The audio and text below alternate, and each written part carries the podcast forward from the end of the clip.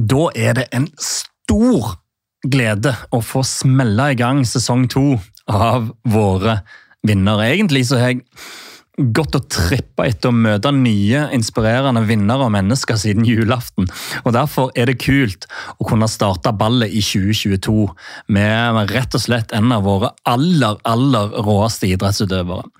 Han som eh, tok Norges første OL-gull i Tokyo etter å ha trent ti år og 14 000 timer med den ene konkurransen i tankene. Og jeg, jeg, dro til Bergen for å treffe Christian Blumenfeldt. Triatleten Christian Blumenfeldt.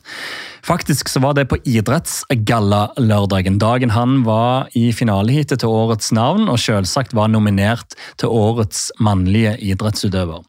Han, han fikk ingen priser, men han fikk OL-gullet i sommer. Og før podkasten så møtte jeg han eh, i sitt eh, rette element på trening, som han uh, stort sett alltid er. Og la oss, la oss, ta en liten tur til, til svømmehallen før vi går i gang med podkasten. Ja, for nå, nå, er vi her i vakre ADO Arena. Svømmehallen kalt opp etter legendariske Alexander uh, Dale Oen i Bergen. Og um, akkurat nå så er det en fyr som er um, i ferd med å bli legendarisk. Eh, Christian Blumenfelt, olympisk mester eh, Christian Blumenfeldt i vannet. Og han er i vannet sammen med sin triatlonmakker Gustav Iden, som kommer rett bak resultatmessig og allerede er, allerede er verdensmester. Og disse to gutta har hatt ei um, sedvanlig morgenøkt uh, for de. Et par timer i bassenget med en uh, hoveddel på 15 ganger 15 ganger 200 meter, blant, blant, annet. Og dette er ganske typisk for uh, disse gutta å, å starte, på, starte dagen på denne måten. Og nå kommer Christian Blumenfeldt opp av eh, bassenget her. Og Christian, kan du fortelle litt om, om det dere har gjort i dag? Yes, I dag har vi svømt eh, 5000 meter, litt eh, varierende fart. Og så nå eh, uh, Ja, første økt ferdig. Og så har jeg en intervalløkt på sykkel senere i kveld. Og så en løpetur etter det. Er dette ei typisk økt? Ja, jeg vil si det. Altså En typisk dag pleier å ha tre økter for dagen. Uh, og i dag er to av de med litt intensitet. Prøver å få opp igjen Vitomaksen etter ja, det er et ganske sånn seigt fokus inn mot Armen i november. Så da har maksen droppet ganske mye. Så nå prøver vi å få den litt opp igjen for å ha mer å spille på inn mot mai og juni og sesongen. Og I dag trener du sammen med din makker eh, Gustav Iden. Er det, er det som regel dere to som trener, eller er det dere to pluss Kasper Stornes, kanskje? Ja, det er flere. Så det er jo både Kasper, Gustav, Vetle og Stine som er her. Pluss et par juniorer som er fortsatt ute i vannet. Så vi er vel en gjeng på nesten ti, åtte til ti stykker. Eh, og eh, nå til helgen så reiser jeg og Vetle, Gustav og Kasper til høyden i Sianavada og blir der i seks uker. Så det begynner å bli et lite sånn triatlonmiljø her i Bergen? Ja, ja, det er bra her. Så eh, fin gjeng, og, og så er det enklere liksom, å ha litt eh, liksom, vi, vi, ser ikke så mange utenfor idretten, så det er godt å ha et sosialt miljø når vi kommer på trening og eh, ha det kjekt. Og nettopp derfor var det stor stas å få Christian Blumenfeldt med på podkast, siden han stort sett ikke gjør annet enn å trene, sove og spise. Og rett og slett få han til å droppe dagens powernap mellom økt én og to av dagens vanlige tre. Vi får håpe at um, en av Norges råeste idrettsutøvere og verdens best trente menn ikke satt OL-gull i Paris 2024 på prøve med å bli med på innspilling av uh, våre vinnere. Så la oss høre nå. La oss høre og bli inspirert av uh, en dedikasjon som vi knapt har hørt om eller sett tidligere.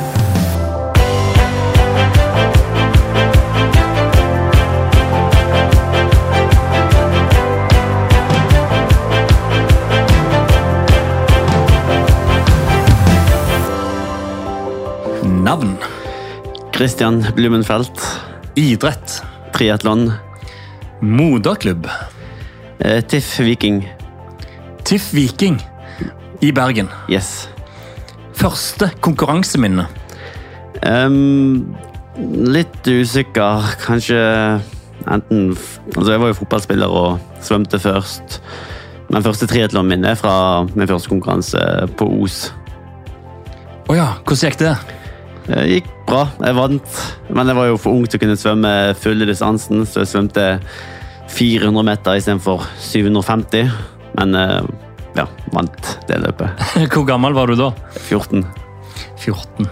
Største opplevelse på idrettsbanen? Ah, det er jo Altså, OL er det største løpet liksom, jeg har trent mot eh, ja, i ti år. Men samtidig så liksom følelsen av å vinne første Europacup som junior og først liksom, eh, liksom ta, ta, stigen, så føles liksom alle løpene du gjør det første gang, ganske spesielt. Så det du sier, er at følelsen av å vinne disse første løpene kan sammenlignes med følelsen av å vinne OL-gullet som du vant i fjor sommer? Ja, og mye langt ifra. Sånn at eh, liksom det, det, er jo liksom første gang som være med på internasjonalt og vinne noe internasjonalt. Det, eh, ja, når jeg var junior, første gang som senior, altså World Cup. Sånn at liksom det er jo første gang som tar de små målene på veien òg, er jo uh, Kjennes jo spesielt ut. Og så er jo liksom når du Selvfølgelig, OL var jo eh, veldig, veldig spesielt, spesielt når jeg har trent med det i så mange år. Men samtidig så liksom det, det er jo et helt vanlig løp, vanlig løp på, på, en måte. Skjønner.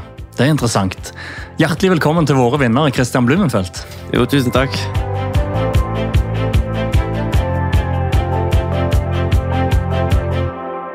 Veldig hyggelig å ha deg her.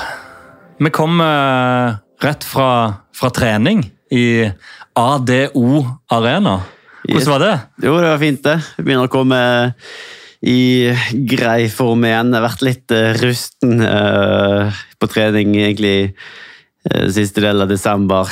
Fått en liten sånn knekken der på VO2 Maxen etter å ha kjørt mye seig trening inn mot Ironman i Cozumel, så nå føler jeg egentlig at formen begynner liksom å komme tilbake igjen og begynner å få litt overskudd og litt sånn punchy på trening igjen. Sånn at ja, det var godt. Jeg hadde en 5000 meter i bassenget nå i dag tidlig. Og så har jeg en ny VO2 Max-økt på sykkel og en rolig løpeøkt senere i kveld. Det er jo ikke veldig sjokkerende at vi kommer rett fra trening, og at du skal på ei trening rett etter podkasten. Det er på en måte livet ditt, dette. Ja, det er jo det. Sånn at liksom, Det er jo noe som hele tiden går. Liksom, det, det, er typisk tre økter for dagen. Svøm, sykkel, løp. Og så uh, Ja, det er jo kontinuitet som er viktig òg. Sånn, det kan liksom ikke bare ta en dag fri her og en dag fri der. og sant? Det må liksom gå i bakgrunnen hele tiden. Når du sier dette er et hjul som går og går og går, blir du aldri lei? Mm, som regel ikke. Altså, det, det er jo tøffere dager liksom, hvor det er litt seigere å komme seg ut. og eh, Som sitte seg på sykkelrulle og vite at du skal sykle tre timer eh, bare steady state. Det, det, kan være litt sånn seigt, men samtidig så svir det ganske mye. og ikke gjøre øktene òg. Du vil liksom ikke uh, ligge på latsiden. For uh, jeg har jo òg veldig lyst til å prestere når sesongen kommer. Det skjønner jeg. Skal, jeg vil dykke mer ned i hverdagen din, for jeg syns åpenbart det er ekstremt spennende å høre om, om, hverdagen til en av verdens best trente mennesker. For det føler jeg vi kan kalle deg nå, når du er olympisk mester i triatlon. Ja, det er jo liksom, det er mange som spør liksom, ja, hva er liksom hobbyen utenfor triatlon. Hva, hva liksom, gjør du når du liksom, ikke holder på med trening eller idrett? så svarer jeg som regel ingenting. Altså, det er jo liksom bare Når jeg har en uke fri, så er det egentlig godt å bare ligge hjemme på sofaen med uh, beina høyt og ligge og høre på en podkast, egentlig, eller noe musikk, eller bare kule den helt. For uh, det det går, jo veldig mye i ett når jeg er ute og reiser. og Sånn som i fjor, for eksempel, så var jo jeg på reisefot fra januar frem til august. Eh, var i utlandet på treningsleir, konkurranse, tilbake igjen på treningsleir. Sånn da når jeg kommer hjem, så er det egentlig bare godt å gjøre minst mulig. Eh, sånn at det er veldig ensidig sånn sett, eh, kanskje, men samtidig så er det det jeg liker å gjøre. Holde på med på full tid. Så hvis noen spør deg om hva hobbyene dine er, så er det løping, sykling, svømming? Ja, og så eventuelt så faker jeg og sier at nei, jeg liker å lese bøker. Har du en favoritt-fakebok som du pleier å nevne? Nei, jeg har vel egentlig ikke det, men det pleier jeg vel kanskje å si at jeg ser det på Netflix. og... ja, det, det, det, er mye liksom, det, det, er mye idrett jeg går i. Liksom, både og sosialt. Liksom, når vi er på leir, så er det ofte trening og neste økt vi snakker om og diskuterer hvordan vi kan eh, gjøre liksom, morgendagen bedre, eller liksom, små justeringer. Sånn at det er veldig idrettsfokusert eh, liv. For det jeg har skjønt, det er Kristian, at du er en oppriktig student av din idrett. Du er ekstremt interessert i det du holder på med. Ja, ja. Jeg tror jo mer du liksom forstår din egen idrett, jo mer liksom har du liksom muligheten til å ta neste steg og liksom være ett steg foran alle andre.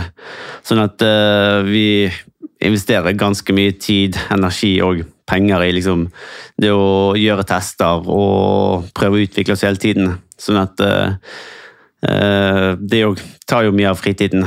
Sånn som nå når vi skal opp i Sierra Nevada, så har vi ganske mange forskjellige typer tester eh, som vi skal prøve å få gjort for å kunne forstå mer hvordan eh, eh, treningen påvirker kroppen min. Ja, for nå skal dere straks opp i høyden i Sierra Nevada. Det stemmer. Ja. Og hente nye marginaler. Yes, så da blir vi seks uker opp i høyden, og så prøver vi å Jeg vet ikke om det er to ganger i uken eller en gang i uken vi kommer til målet. da, Blodvolumet for å se liksom hvordan blodet eh, responderer for uke til uke. Så du kan virkelig se liksom, forskjell fra første uke til andre uke til fjerde uke til sjette uke, og se hvor mye vi kan hente på å være der seks uker. Og da når vi kommer ned til lavland, så kan vi måle hvor lenge jeg bevarer blodeffekten én, to, tre, fire uker etterpå. Om det er noe vi kan gjøre der for å maksimere effekten òg. Oi, dette er vitenskap. Ja, vi prøver å dykke ganske dypt inn i det vi holder på med. Sånn at eh, det er vel kanskje det som da er hobbyen min, da, kan du si. Og Det at du er så interessert, det at du er en, som jeg sa, en student av idretten din, det gjør kanskje at du er i stand til å stille kritiske spørsmål til f.eks. treneren din på det du holder på med? Ja, vi har jo mye diskusjoner, sant. Uh, uh, jeg tror liksom Eh, det er jo ingen som kan føle det du holder på med så godt som deg sjøl som utøver. Eh, sånn at En trener er jo avhengig av å ha utøvere som gir feedback, og som kanskje har en viss eh, følelse og erfaring med hva som funker og hva som ikke funker, og liksom, hvordan vi kan spille hverandre best mulig sammen. Skjønner. Du, jeg vil en tur til Tokyo. Og kanskje hovedgrunnen til at jeg kaller deg verdens best trente mann, det at du vant dette OL-gullet. Nå er det snart et halvt år siden. Eh, hvordan sitter det i? Nei, Det er jo veldig rart å være på andre siden av et så stort mål. Det er jo liksom, når vi startet med juniorlandslag i 2009 for liksom, Før jeg begynte, så hadde vi egentlig ikke noe landslag.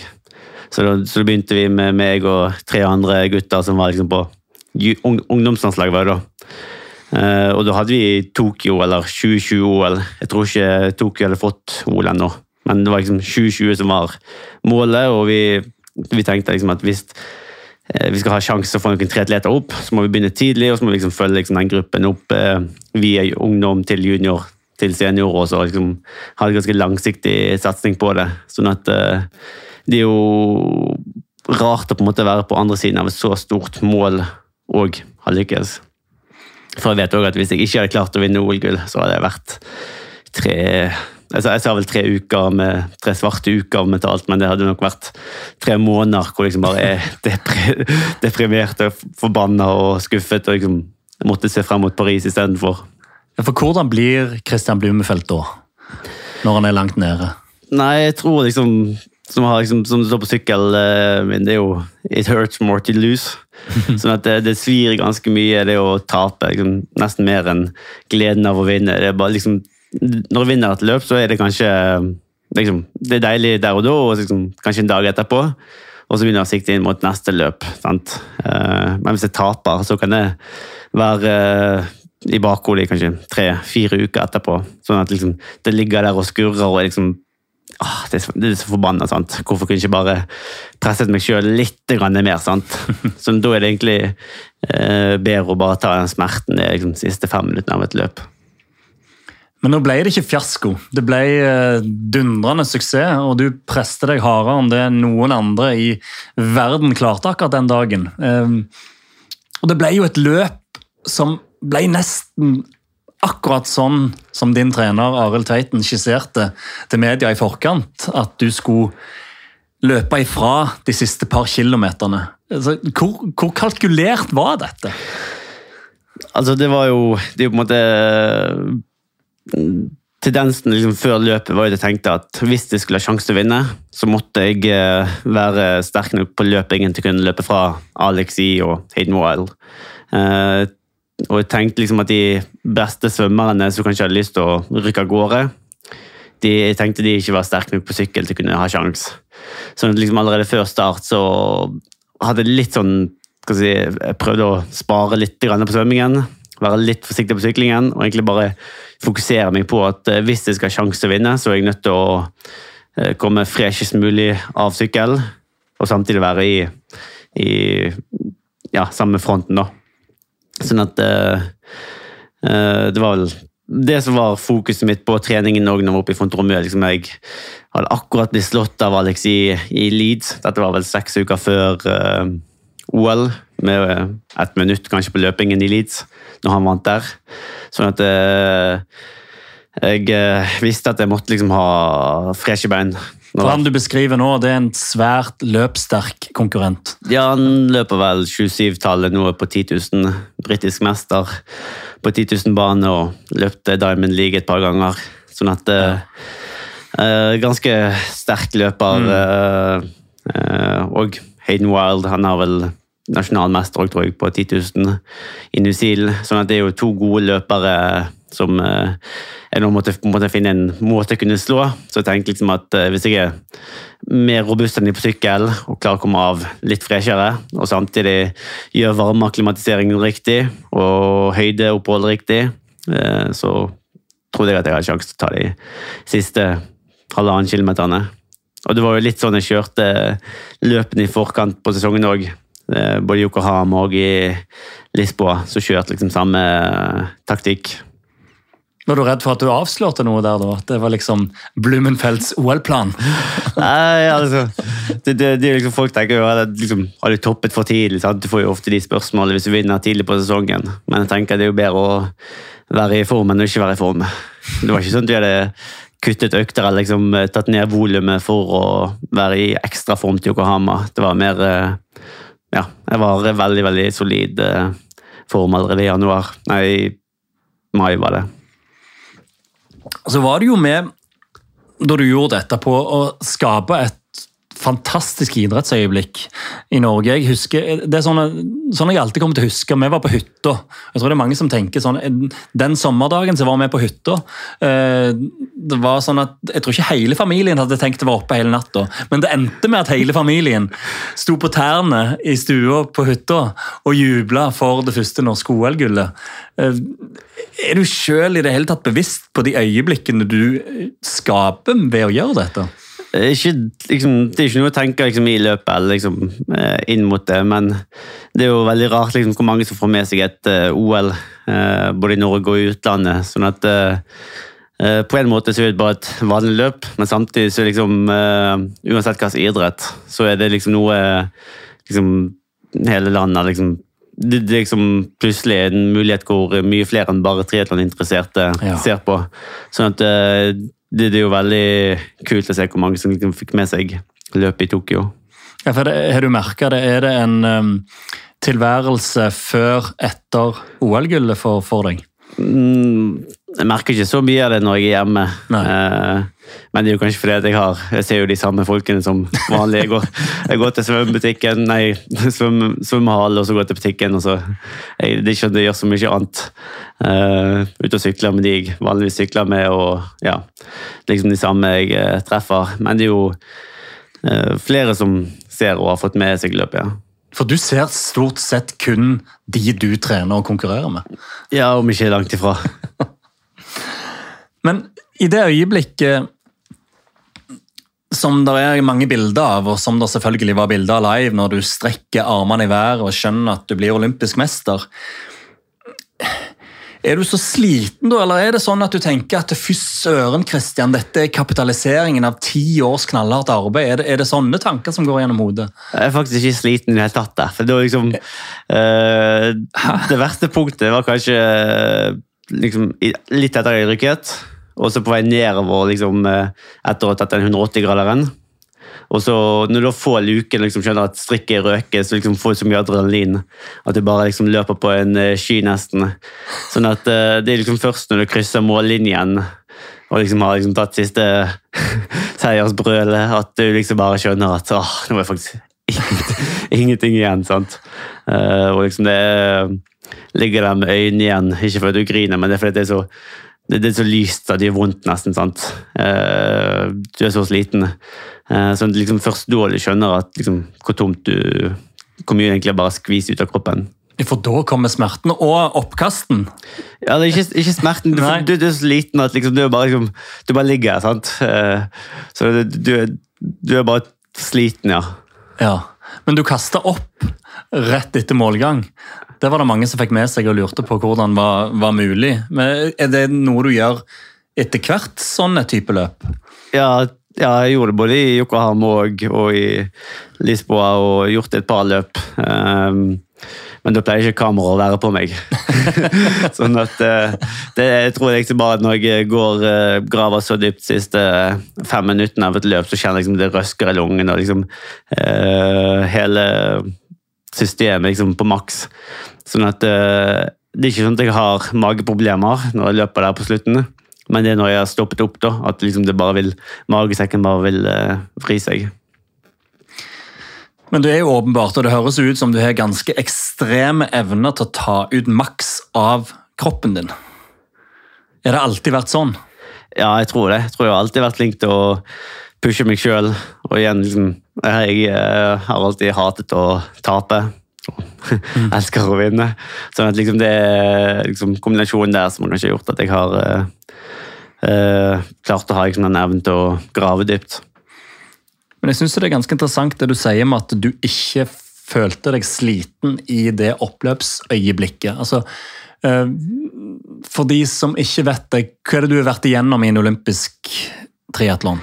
Ja, det er jo 1500 meter med svømming, og så er det 40 km sykkel og eh, 10 km løp. Og det som er litt spesielt med Tokyo, er jo eh, den ekstra varmen og eh, luftfuktigheten som òg gjør det enda hardere på kroppen. Og da er det altså så mye adrenalin i kroppen at det visker ut det slitsomme, eller fatiguen. Ja, ja, for at du, du har på en måte skrudd litt av gassen òg, for at liksom, har jo hadde vel ti sekunder luke, og det er ikke sånn at uh, Alexi kunne ta det igjen på 100 meter. sant? Så du roer litt ned, og så liksom bare nyter hele øyeblikket enn, å, enn at liksom, jeg vrir meg i smerte før jeg har krysset målet. Hvordan var dette øyeblikket sammenligna med det øyeblikket du har sett for deg? Det øyeblikket du har jobba for hver forbanna dag i ti år? Uh, det er jo surrealistisk. Liksom, vi var jo i Tokyo på testevent i 2019. Eh, Det ble jo to år før OL, og eh, da fikk vi for første gang et slags innblikk i hvordan løypen var, hvordan liksom finish line ville være, og liksom sist oppløp og liksom, eh, publikum på siden, tenkte jeg da. Men, eh, så det, det er liksom første gang liksom, mer sånn eh, reelle bilder, så jeg kan liksom drømme og liksom, eh, fantasere at jeg krysser mållinjen. Eh, og eh, så jeg jo hatt den mållinjen ganske mange ganger opp i hodet liksom, når jeg skal legge meg. Eh, og ekstra spesielt ble det når vi kom til Tokyo for OL, og du ser liksom eh, eh, oppløpet For vi- var jo i løypen og trente et par ganger i forkant. Og vi så liksom oppløpet der ved siden av, og med OL-ringene og Tokyo og liksom all, all den pakken der. Så så det ganske fint ut. og liksom du, du ligger liksom bare og tenker åh, liksom, tenker å komme først inn her. Uh, så det var liksom mer sånn ja. Det er litt som å gå uh, på en dag uh, hvor det har snødd, og du er på en måte førstemann til å gå liksom, sporene. Ingen andre som har vært der før deg. Det er litt sånn å komme inn på oppløpet alene. Ja, Det er et fint bilde. Og det fikk du oppleve. Ja. Det er litt kjipt å trakke Hvis, hvis du ser liksom 17 andre få når det har gått der. sant? Det er litt sånn å liksom krysse mållinjen først, og så har du målbåndet, målbåndet som liksom Ja. Det er følelsen av å kunne ta tak i det og virkelig ja, ta hendene over hodet og Ja, veldig, veldig Det, det liksom det For meg så liksom Det å kunne ta tak i målbåndet er mer liksom symbolet på en seier enn medaljen i seg sjøl. Det er liksom det å krysse mållinjene og ja, den følelsen. Det er gøy å se deg fortelle om dette, for du, du, du stråler så vanvittig i øynene. Det bare er, dette betyr mye for deg. Ja, det er klart. Og ikke bare for meg, det er òg eh, for hele laget og støtteapparatet. Ja. Eh, det var en som sa at nesten Tar ikke vi OL-gull nå, så har de sløst fem år av, av livet sitt. Og setter litt på spissen, da. Så det, eh, ja, for det, det, det, har hatt et team som har virkelig jobbet like hardt som meg. Og ja, ofret mye. For jeg har jo ikke noen unger eller barn som liksom er hjemme og venter på meg, men de har jo gjerne de støtteapparatet. sant? Så det er jo tøffere for de kan ikke være så mye på reisefot. Ja, og så er det, Du nevner jo dette laget som åpenbart har vært ekstremt viktig for deg og driven inn mot dette. Uh, og så er det noe med, med mentaliteten i dette laget som alltid har vært der. Altså, jeg husker jo tilbake i 2012, så sa du at du skulle ta OL-gull i Tokyo. og det var en tittel i, var det i Bergens Tidende? Ja, både jeg tror VG og ja. Beta hadde hatt det. Ja. Og det at du sier det allerede da, og i, i 2018 så sier du til en eller annen australsk avis at du kan garantere at du tar OL-gull? Jeg var faktisk eh, VG igjen. Vi hadde eh, Nattevakten til VG tror jeg bor i Australia. Så ja. de, de, var på besøk da nede i Nusa, og så spurte jeg liksom, ja, hvordan, hvilken plass får dere i Tokyo. da? Og så sa jeg jeg, jeg vinner, jeg. For da husker jeg det sto et eller annet sånn 'garantere'. Men, og det, den mentaliteten der, da, er det bare en del av den dere er, eller er det en bevisst strategi på å legge et mål ut der? Noe som på en måte eh, gjør at dere er nødt til å følge det opp? Jeg tror jeg legger litt press på oss sjøl. Altså, da vet vi plutselig hva vi jobber mot. Og eh, eh når du legger liksom hodet på stubben så synlig, så må du faktisk eh, legge ned jobben som faktisk må gjøres. Du kan liksom ikke bare si at du skal vinne et OL-gull, og så gjør du jobben halvveis. Så det legger jo veldig mye press på, på oss at vi faktisk må gjøre jobben. Og så tror jeg òg, i og med at vi på en måte er en gjeng vi er, så ikke, liksom internt så ikke så flaut å ikke nå målene sine. Altså, du kan jobbe mot noen neste, og du har juniorer som har lyst til å vinne junior-VM. Og jeg tenker det er bedre å si at uh, målet neste er å vinne junior-VM, enn å prøve liksom, å være liksom, diffus med målet, for vi ikke har for mye press på seg. På det, ikke sant? Sånn at det er bedre å tørre å gå ut med det, og så feiler det, så er det på en måte en uh, læringsprosess. For det er jo mange som er redd for å si at de skal ta gull. Hvorfor tror du det?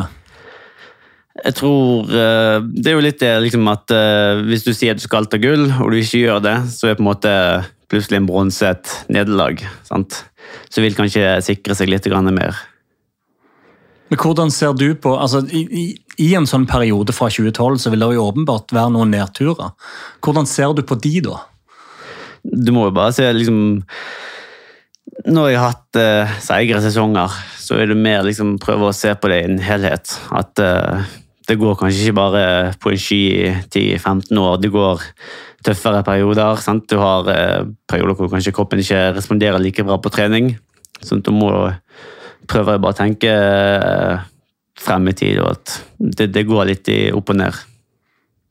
Ja, og at nedturene da, i, i, mangel på et bedre ord, blir en del av læringsprosessen.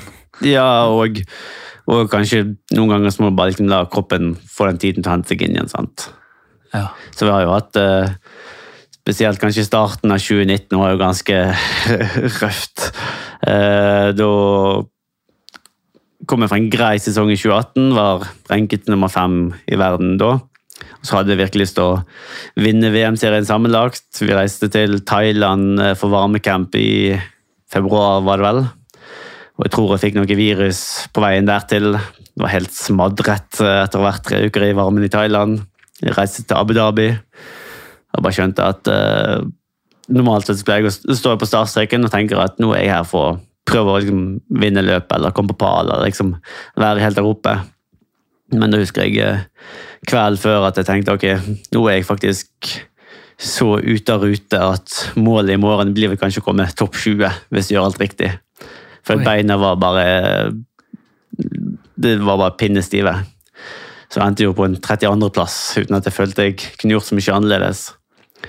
Eh, og sånn fortsatte egentlig sesongen frem til mai, kanskje juni. Begynte jeg å respondere litt bedre. Og når du endelig kom i form, da krasjet jeg eh, både i Hamburg og i testevent. Eh, så det var jo ganske seigt. Eh, men du klarte heldigvis å komme og vinne VM-finalen i Lausanne. Så det Da når jeg liksom på det har liksom nedtur på nedtur, da prøver jeg egentlig bare å tenke det, det løsner etter hvert. Men blir du da Dette er jo da et, bare et år før det egentlige OL, som du har hatt som mål i årevis. Blir du da usikker? Ja, i hvert fall eh, første halvdel av året. Sånn, når jeg først begynte å respondere igjen på sommeren, og plutselig kom tilbake i min livsform inn mot uh, ja, egentlig testevent. Jeg tror jeg hadde vunnet testevent hvis jeg ikke hadde krasjet ut. Og uh, vant to uker etterpå i Lausanne. Da får jeg plutselig selvtilliten tilbake, men, eh, men det er jo seigt å gå på trening eh, tre ganger for dagen, og du vet liksom at du er på en måte bak skjema, sant? og du, du venter bare på at kroppen skal respondere. Jeg vil tilbake Jeg vil tilbake til der det starta, Christian. Um, for jeg syns det er fryktelig fascinerende hvordan triatlonmiljøet i Norge har gått fra å være ikke-eksisterende til å bli verdensledende. Hvordan starta det? Hvorfor ble det triatlon? Eh, For min del så kommer jeg fra svømmebakgrunn. Eh, Jeg eh, var vel kanskje en av de ivrigste svømmerne, vil jeg si. Jeg trente ganske hardt, men jeg fikk vel aldri ut potensialet mitt i bassenget. Jeg er kanskje ikke en naturlig svømmer, sånn som et par andre er. Så- Hvilken alder snakker vi her? Uh, jeg var grei frem til jeg var til jeg var 11, og så hadde jeg to år der hvor jeg stagnerte litt. Til jeg var 13 før det begynte å løsne litt igjen.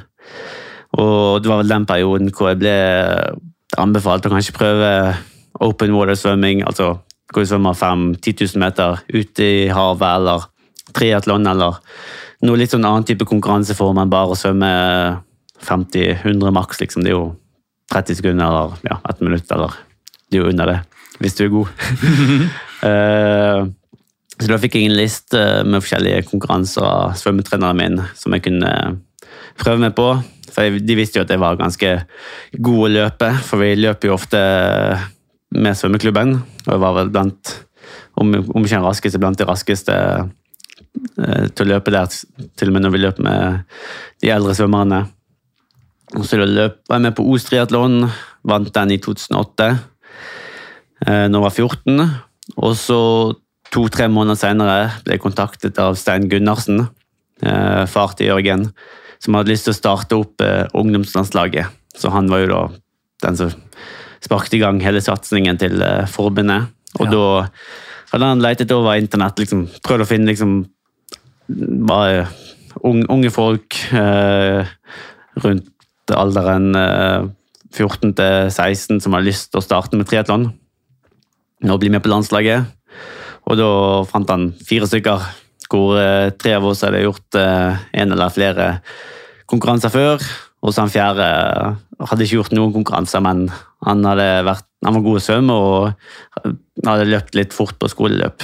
Så det var liksom Inngangsdøren var ganske eh, ja, Terskelen for å komme inn på landslaget var ganske lav i starten. Men det handler egentlig bare om å bygge et lag som vil jobbe sammen inn mot 2020. Og Hva årstall er dette? 2009 begynte vi vel for første gang å ha eh, landslaget. Så da konkurrerte vi litt i utlandet òg. For vi hadde jo ikke konkurranse heller i Norge som var eh, for barn og unge sånn, med drafting. For vi har jo vi har, vi har lov til å ligge på hjul eh, på sykkel i kort distanse. Men alle konkurransene i Norge var jo laget for mosjonister. og typisk eh, olympisk distanse som egentlig ingen barn konkurrerer i ute. Så da reiste vi en del til utlandet og konkurrerte der og fikk erfaring.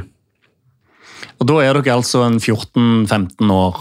Mm. Eh, og du snakker om en kvartett. Hvem er denne kvartetten? Eh, meg, og så er det Jørgen Gundersen, Ja. Eh, Håkon Johannessen og så Kjetil Flatland var de første fire. Og så i 2010 da begynte forbundet liksom prøve å få inn enda flere. Så da hadde vi en samling på Sognsvann eh, hvor vi prøvde liksom alle som var interessert, kunne komme inn. Og da kom òg inn Gustav, Iden og Lotte Miller og det var vel kanskje 10-15 stykker.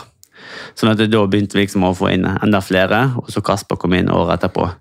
Så vi prøvde liksom å bare rekruttere hvem som helst som hadde lyst til å holde på med triatlon, til å komme med, og sånn at vi kunne prøve å få de som var, eh, hadde liksom den gløden og treningsinnsatsen Ja, til å være med. da, og dette er da i 2010, og du nevner eh, Gustav Iden og du nevner Kasper Stornes. og Begge de to var nå med i OL i Tokyo.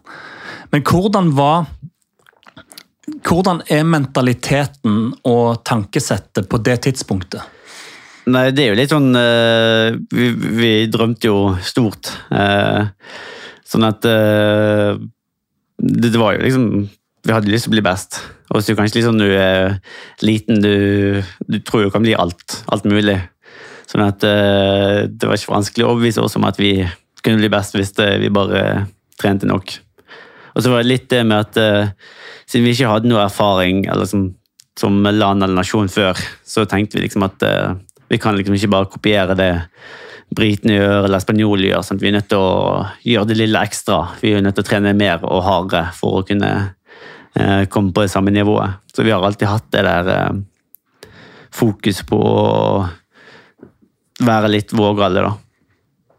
Men begynte dere allerede på det tidspunktet å puste triatlon? At det på en måte var det eneste livet handler om? Ja, jeg begynte å I starten så var jeg en svømmer som løp litt på si og konkurrerte triatlon. Men når jeg begynte å jobbe med Arild eh, fast, var vel eh, etter senior-NM i svømming i 2011. Da switchet jeg liksom helt om fra å være en svømmer til å, som løp litt på si, til å få et eh, triatlonprogram hvor jeg svømte litt mindre og fikk eh, fullt sykkel og løp. da. Og det ble rampet ganske fort opp volumet, da. og husker jeg. eh, Men fikk eh, gode resultater. Var med litt på baneløp. Var med på NM eh, 5000 ja, for junior. Nordisk. Og så løp litt terrengløp. NM, nordisk og EM. Um, I terrengløp, og så òg EM i triatlon. For nå er jo tallene som verserer og snakkes om, det er jo 1300-1400 timer i, i året trening. Begynte dere allerede da med det? Ja, vi har alltid trent veldig mange timer. Altså, jeg kommer jo fra svømming, og der eh, begynner vi med morgentrening. eh, Ja, ta, oss, med- ta oss med på en ekstrem dag. En vanlig dag, kan vi kalle det. Nå? Ja, en Altså- dag i, i, i deres triatlonliv. Eh, nå er ikke vi så fokusert på timeantallet. sånn sett. Det er ikke, ikke mål i seg selv å få åtte-ni timer på en dag. Eh, så vi prøver heller å eh, få mest mulig ut av de timene vi gjør, og få mest mulig kilohjularbeid gjort på, på det som skal bli gjort. Eh, men jeg kan jo starte med en tre timers overgangsøkt hvor vi har rundt en time terskel på sykkel og 12-13 km terskel på løp, hvor vi da bryter det opp og kjører kanskje tre overganger. Og så en VO2 Max-økt på kvelden. Er sånn standard tøff dag. Tar vel uh, ja, fem timer, kanskje. Og så har du de rolige dagene, som kanskje 90 minutter svøm, 90 minutter løp og en tre timer, fire timer sykkel. Sant? Plutselig syv timer med trening, men da er intensiteten helt, helt rolig. Og når denne dagen da er ferdig, går det bare automatikk i at neste dag blir lik? At motivasjonen da er på samme nivå når klokka ringer neste morgen? Ja, vi, vi tenker jo helhetlig i det. sant? Så vi har, Når vi er på leir, så har vi igjen fire, fire dagers syklus, hvor første dag har vi gjerne to tøffe dager, nei, to tøffe treninger. Og så dag to er det sånn langt og rolig, gjerne seks-syv timer trening.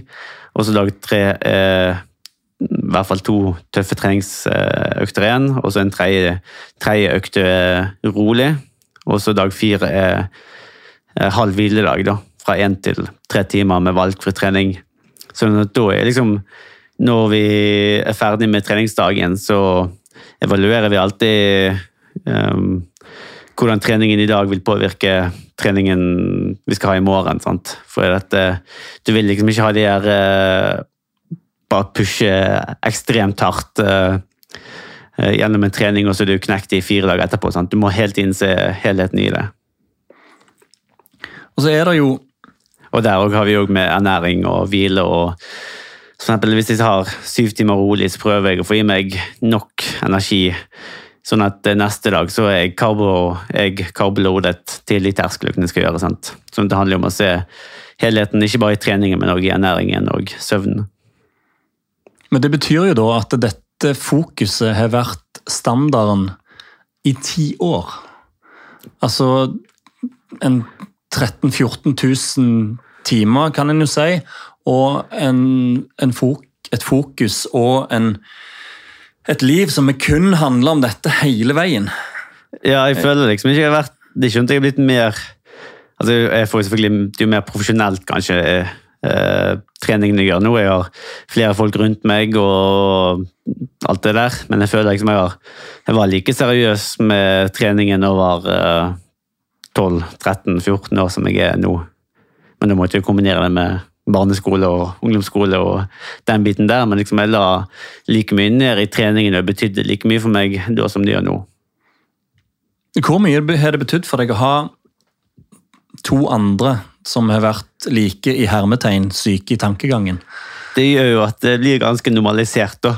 Så Det er ikke bare de to, det er jo liksom den gruppen på ja, kanskje åtte stykker, da, pluss trenere, som eh, er like si, ekstreme og i boblene. Sånn at det gjør jo at uh, det livet jeg har, føles jo som det mest normale. Fordi at de rundt meg, de jeg ser, de uh, lever likedan.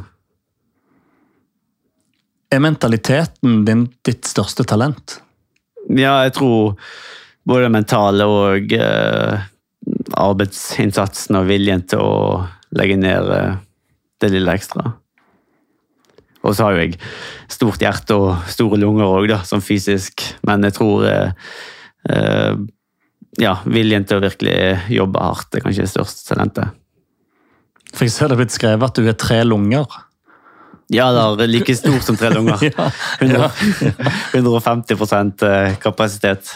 Så det kommer jo med når jeg eh, ja, skal pushe hardt der, så får jeg inn mer oksygen. Så det har jo Uh, mye, mye, oksygen i blodet som muskler kan ta opp. Hva er en vinner for deg? Det er en som klarer å ha det kjekt på veien òg, og ikke bare liksom uh, uh, teller bare medaljer, men du må òg ha liksom trives med den livsstil du har òg. Og så må, må, du helst vinne for å være vinner òg. ja, for det er det jeg lurer litt på. Med det, med det smale fokuset, som det må sies å være, da. Eh, eh, klarer dere i de øyeblikkene å zoome ut? Ja, vi gjør det av og til. Men eh, For vi prøver å se helheten i det. Men samtidig liksom det, det er jo reisen òg som ofte er si, Om ikke målet, så er det viktig å ha det kjekt på veien. og det er jo, Når jeg ser tilbake igjen på sånn fjoråret, så liksom ikke bare OL og VM og hva som helst som er høydepunktet. Det er jo òg uh, alle ukene på leir. Når jeg var oppe i Stjernevada og i Portugal og i Fontromø. Liksom, å være der med gjengen og trene, som jeg ser minst like mye på som liksom, høydepunkt for året, og hvor jeg virkelig trives. For Når du skal på leir med eh, Kasper og Gustav, så er det sånn at du oppriktig, du oppriktig gleder deg. Du tenker ikke at dette er et ork? Nei, det er jo det som er eh, livet, da. Så jeg det er veldig kjekt å være oppe i Sierra Nevada. noen tenker kanskje at det er et eh, ja, ser ut som et fengsel oppi der eh, hvor ligger en eh, blikkboks oppi på 2300 meters høyde. Eh, men eh, jeg syns det er fantastisk. Det gir oss liksom roen til å kunne gjøre den jobben som skal gjøres. Vi har fint 15 meters basseng, vi har løpebane og vi har eh, et svært fjell å sykle på. Så det er et veldig Det er som å komme på hyttene. Veldig fint sted. Vi kaller det Hytten. Isgjerdene var der? Ja, ja. Ok. Da blir det jo et slags et trivselsstempel på det, da. Ja, så vi har jo på en måte Det er litt som at folk reiser på påskeferie. sant? Vi har påskeferie nå seks uker i strekk, kan du si. Hvor vi er ute og trener og ja, nyt, nyt, nyter uh, uh, spansk natur. Hmm. Men er, Dere er jo nå i ordets rette forstand verdens beste treningsmiljø i triatlon. Hva vil du si er den største styrken til det miljøet? Jeg tror det er Altså, vi har jo veldig gode folk rundt. Sånn som at vi har hatt Olav Alexander med oss, som har løftet eh, detaljnivået på treningen til et nytt nivå. Vi har hatt Arild som har styrt landslaget og liksom fått gjengen sammen. Og så har vi òg utøvere som eh, trives med å være på leir. Eh, og som føler at det ikke er noe vi ofrer. Vi er seks uker på høydeleir fordi vi syns det er det beste som fins. Liksom det eh, skulle gjerne vært syv hvis det hadde passet inn òg, sant. Men når dere da reiser på leir, så du sier Arild Tveiten det er jo trener, eh, og så er det dere tre utøvere. Eh, er det to til med? Ja, eller, med hvilke funksjoner? Ja, Nå har vi Olav Aleksander òg. Han har tatt litt mer over trenerrollen. Eh, så han gir opplegget nå, og så blir Vetle med en annen utøver, eh, som sikkert blir loven i fremtiden. Eh, sånn at det blir de, og så blir det en del andre tester, som på ernæring, og eh, så kommer opp og skal gjøre en del ja, tester.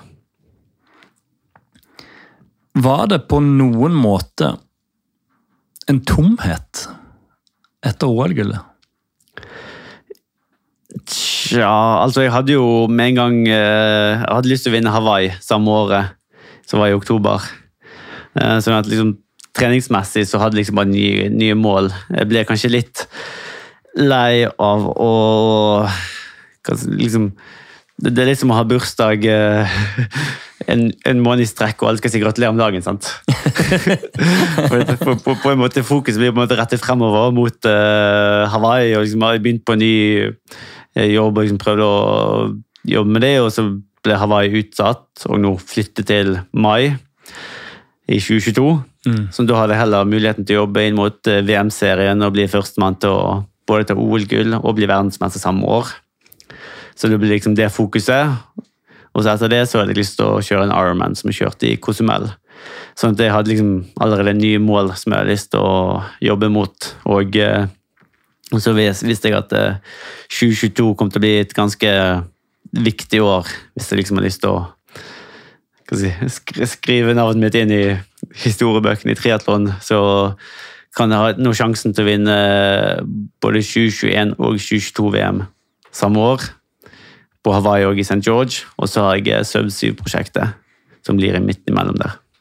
Ja, det å løpe under syv timer på Ironman. En Ironman-distanse. Ja. Så det, det, blir ikke en Ironman-konkurranse, men distansen med pacere. Og Ironman, det er da Det er et brandet uh, løp. Så det er et eget merke, merkevare da, som pleier å ha VM hvert år på Hawaii. Ja, Og der er det en helt annen distanse enn det dere løp i OL?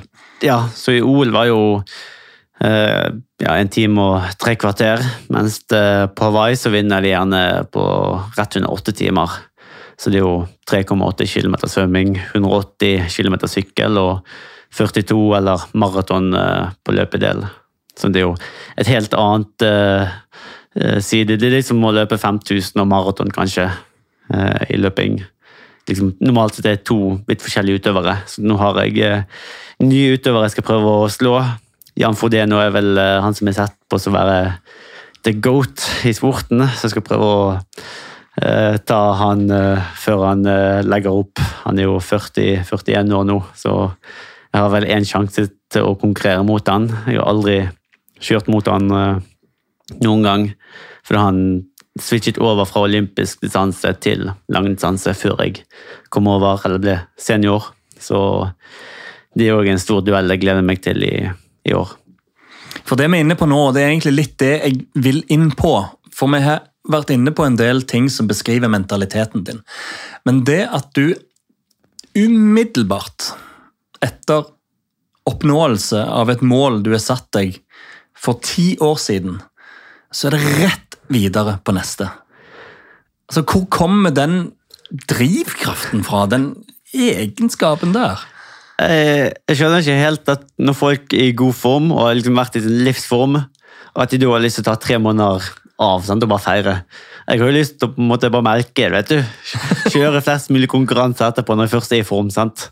Sånn at Jeg har jo bare lyst til å gjøre det igjen, gjøre det igjen, vinne nytt løp. Så litt, litt det, og så er det òg eh, Det er det med liksom at uh, det, det, er kjekt på reisen òg. Uh, jeg gleder meg ofte til å reise på treningsleir i tre, fire, fem, seks uker. Fordi at jeg føler liksom det, det er kjekt å trene òg. For Jeg hadde Øystein Pettersen, langrennsløperen, i, i podkasten. Og han vant olympisk gull i 2010 i Vancouver og fikk en enorm tomhet. Og ble usikker på veien videre pga. OL-gullet. Og presterte ikke bra i VM 2011 år etterpå, som en konsekvens av OL-gullet. Jeg tror det kan være litt annerledes der, for han holdt jo på med det samme. Altså øh, da er det plutselig fire år igjen til noe større liksom, utfordring. Jeg har gått over på si, et nytt miljø, eh, langdistanse, eh, nye utøvere. Sant? Det er liksom mer sånn ukjent territorium for meg. Så det er en ganske stor utfordring likevel. Ikke sånn at jeg bare skal repetere det samme jeg gjorde i år, neste år, bare at statusen på løpene er mindre.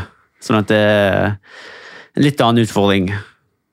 Men han var skuffet over seg sjøl at han ikke klarte å tenke utvikling mm. i den situasjonen. Og at det gjorde at han ikke presterte på hjemmebane i VM i Oslo, som var på en måte et kjempeutstillingsvindu, en kjempeopplevelse.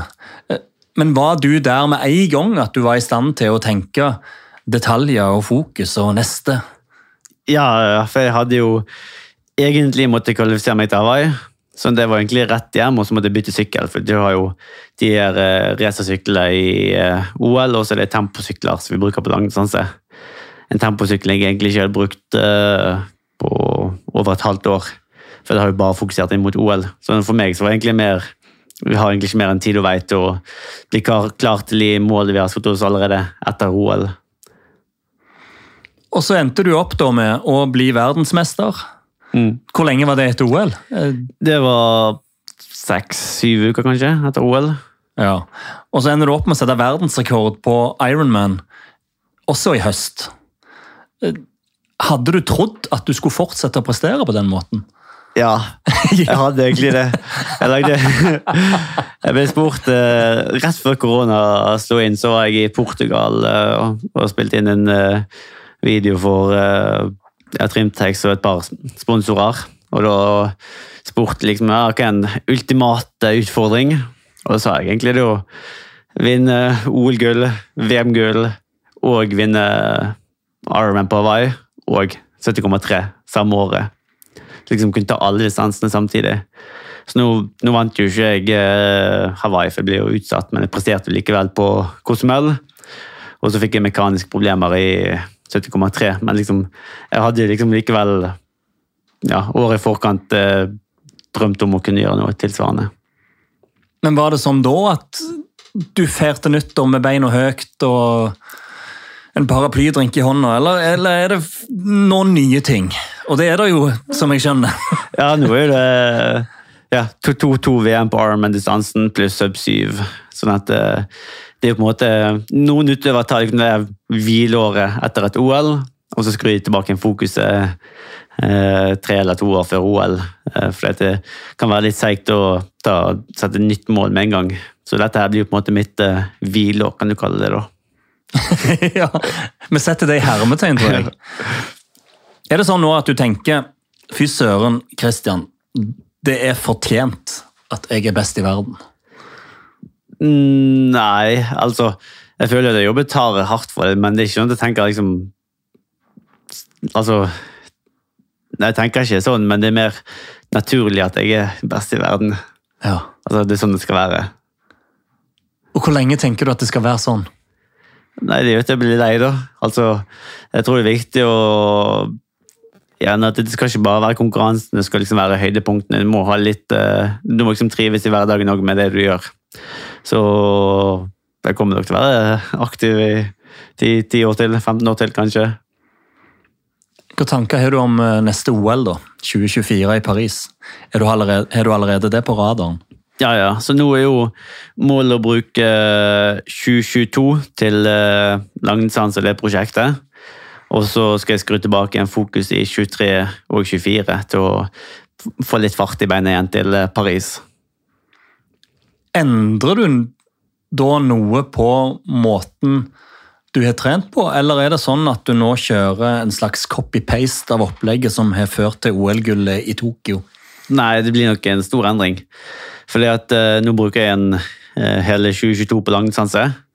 Og det er ingen som har klart å virkelig komme tilbake igjen fra å kjørt langdistanse til olympisk. For det er jo en ganske sånn stor eh, omvending av kroppen. Sånn at eh, det blir jo òg en ekstra utfordring i det. Å vite hva en skal gjøre der. Så vi har òg begynt allerede med en tester der for å finne ut baseline og liksom tatt en del blodprøver for å vite hvor, liksom, hvor jeg skal tilbake igjen, og hvordan langdistansefokuset vil påvirke eh, kroppen eh, det neste året. Sånn at eh, forhåpentligvis så vet vi, istedenfor bare klippe og lime, da kommer jeg kanskje ikke tilbake til der jeg vil, eh, fordi jeg har et helt annet utgangspunkt. Så kan vi kanskje eh, bare liksom fokusere der skoen trykker, sånn at jeg kommer raskest mulig tilbake igjen til, eh, til kortdistanseform. Vi går mot slutten nå, men hva tenker du at OL-gullet ditt og prestasjonene til det norske landslaget i triatlon har gjort med triatlon i Norge? Forhåpentligvis har vi jo fått uh, mer oppmerksomhet rundt laget, og at uh, uh, det vil gjøre det enklere for landslaget å være videre. Det har vært ja, vært en bra gjeng, og håper for at rekrutteringen kan komme eh, bra etter. Det, det er jo allerede bra mye juniorer her i Bergen som eh, jobber og trener hardt. Eh, så det er jo inspirerende å se på. Og eh, forhåpentligvis så har vi gode utøvere til både Los Angeles og eh, 2032 òg. Hvor lenge kommer du til å holde på, tror du? Med olympisk distanse er vel Paris mest sannsynlig. Og så får vi se hva som skjer etter der. Men du er motivert til å fortsette denne livsstilen, dette fokuset, denne jobbingen, dette tankesettet? Ja, jeg tror nok det. det jeg har nok lyst til å sikkert holde på med idrett. Jeg er 40, kanskje. Så eh, Altså, jeg eh, ser nok for meg at eh, selv om jeg er eldst på landslaget nå, så er jeg sikkert den siste av de som er på landslaget som skal slutte av oss. Hva er det mest givende? Øyeblikket du passerer målstreken, eller veien som får deg dit? Jeg tror uh, veien Altså, det er jo en uh, Det er jo et veldig sånn kort øyeblikk til å liksom vinne ett løp, men så har vi hatt veldig mye kjekt på veien. Liksom, vi har jo på en måte sett hvor det går hen. Uh, sånn at jeg vil nok si ja, reisen de siste ti årene har jo vært minst like kjekk. Jeg tror vi konkluderer med at norsk idrett er heldig som har en utøver som Christian Blumenfeldt og mentaliteten din.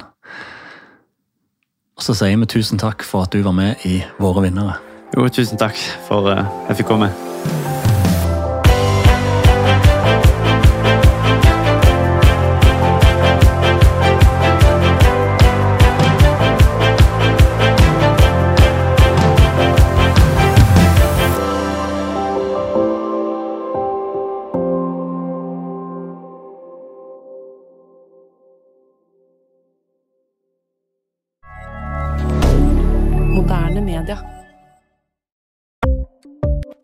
Ukens annonsør er Folio, en smartere banktjeneste for deg som har en egen bedrift eller ønsker å starte for deg selv.